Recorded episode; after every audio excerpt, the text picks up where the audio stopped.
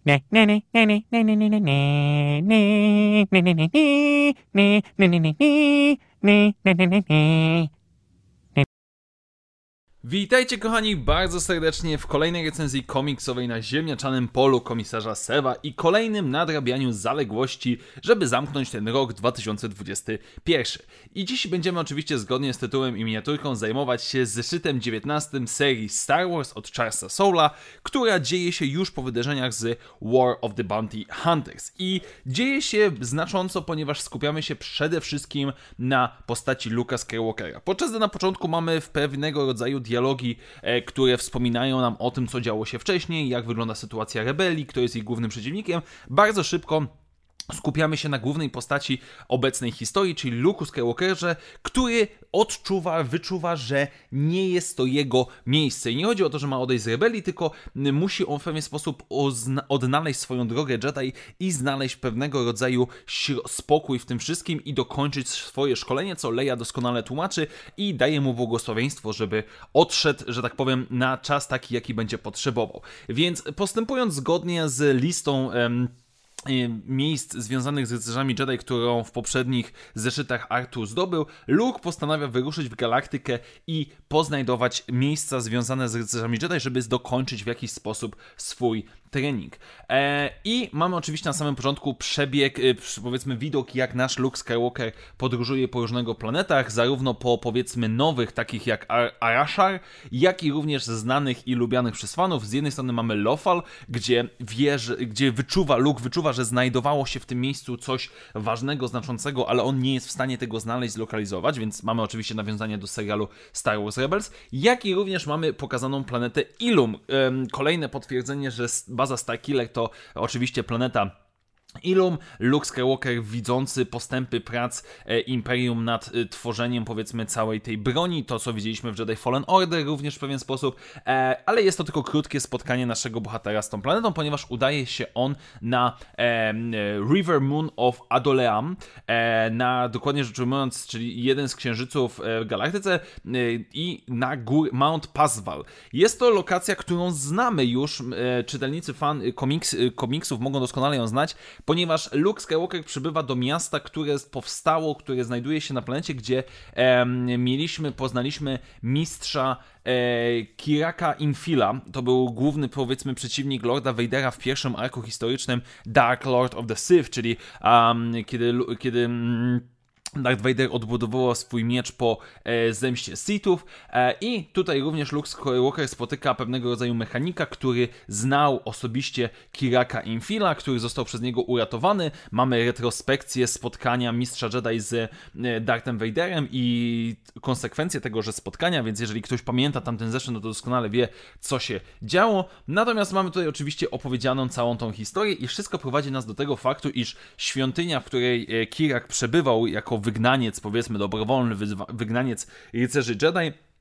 jest tak naprawdę niemalże nieskończonym skarbcem wiedzy o rycerzach Jedi, ponieważ e, cała góra, na której znajdowała się ta świątynia, jest pusta, e, znaczy pusta w środku i znajdują się tam wszelkiego rodzaju artefakty rycerzy Jedi i Luke postanawia dostać się do tego środka, do tego miejsca wykopaliska imperialnego i udaje mu się zdobyć niesamowicie ciekawą rzecz, a mianowicie holokron samego mistrza Jody. I teraz przejdźmy po kolei i zacznijmy od najważniejszego problemu, jaki bym powiedział, e, jaki się pojawia tutaj, ponieważ no, sam holokron mistrza Jody nie jest zaskakujący, tak? No, biorąc pod uwagę, kim Joda był w okresie prequeli, no to jest wręcz oczywiste, że musiał stworzyć prędzej czy później jakiś holokron. Natomiast nie rozumiem jednej rzeczy. Na samym początku Luke mówi do Artuki, jak to jest zagubiony, jak wie doskonale, że nie jest gotowy stanąć przeciwko Vaderowi jak nie potrafi się w tym odnaleźć, że nie jest po prostu stuprocentowym rycerzem Jedi ale i, i, zastanawia się, w jaki sposób może to rozwiązać, ale w pewnym momencie nawet mówi I wish Master Yoda would talk to me. Um, I tutaj mam autentycznie bardzo mocną zagwozdkę, bo czemu Luke nie poleci na Dagobah dokończyć swoje szkolenie u Jody? jakby nie rozumiem, y, nie ma tutaj żadnej wskazówki w tym zeszycie, jak i również poprzednich, przynajmniej ja sobie nie przypominam. E, jeżeli ktoś z Was ma jakieś uzasadnienie, to bardzo serdecznie podzielcie się tym w komentarzu, ale jest to dla mnie absolutnie bezsensowne, że Luke Skywalker po prostu nie poleci teraz z tym swoim nowym mieczem świetnym do mistrza Jody i poprosi go w jakiś sposób dokończenie ich treningu. Um, i, I co, teraz on będzie odkrywał tajemnicę mistrza Jody od wersji holokronowej, zamiast po prostu na żywo e, spotkać się z mistrzem, może ewentualnie poleci na to Dagobah, no, no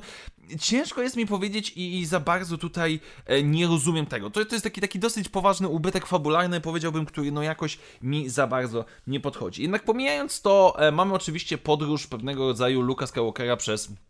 E, przez galaktykę, poprzez te wszystkie miejsca związane z mocą, e, z rycerzami Jedi, ale najważniejsze jest bowiem ta odbudowa, czy też powiedzmy to takie wewnętrzne szkolenie Luka Skywalkera, gdzie najpierw próbuje on użyć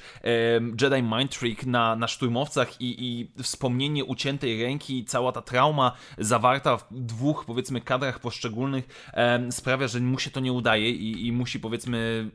poradzić, pogodzić się ze swoją porażką. Natomiast potem potem, kiedy dostaje informację, że dobra, tutaj jest schowek e, imperialny, gdzie e, przechowują różnego rodzaju wydobyte artefakty i tam możesz coś znaleźć, jego pierwsza myśl jest na zasadzie taka, że może po prostu przebijmy się przez tych wszystkich rycerzy, przez tych wszystkich imperialnych żołnierzy, to nie powinien być jakiś problem, ale uświadamia sobie, że nie tędy jest droga. E, jasne, mamy taką bardzo świetną, świetną stronę, która pokazuje nam Luka, który jest już gotowy wyżynać wszystko na swojej drodze, ale który zdaje sobie sprawę, że no nie tędy droga i potem poprzez medytację osiąga pewnego rodzaju spokój, e, przez co po prostu podchodzi do drzwi e, magazynu, mówi szturmowcom przynieście mi najcenniejszą rzecz jaką macie i szturmowcy to jak najbardziej robią. No i widzimy sam holokron mistrza Jody, więc mm, tutaj y, pomijając ten, ten, ten, tę wadę mm,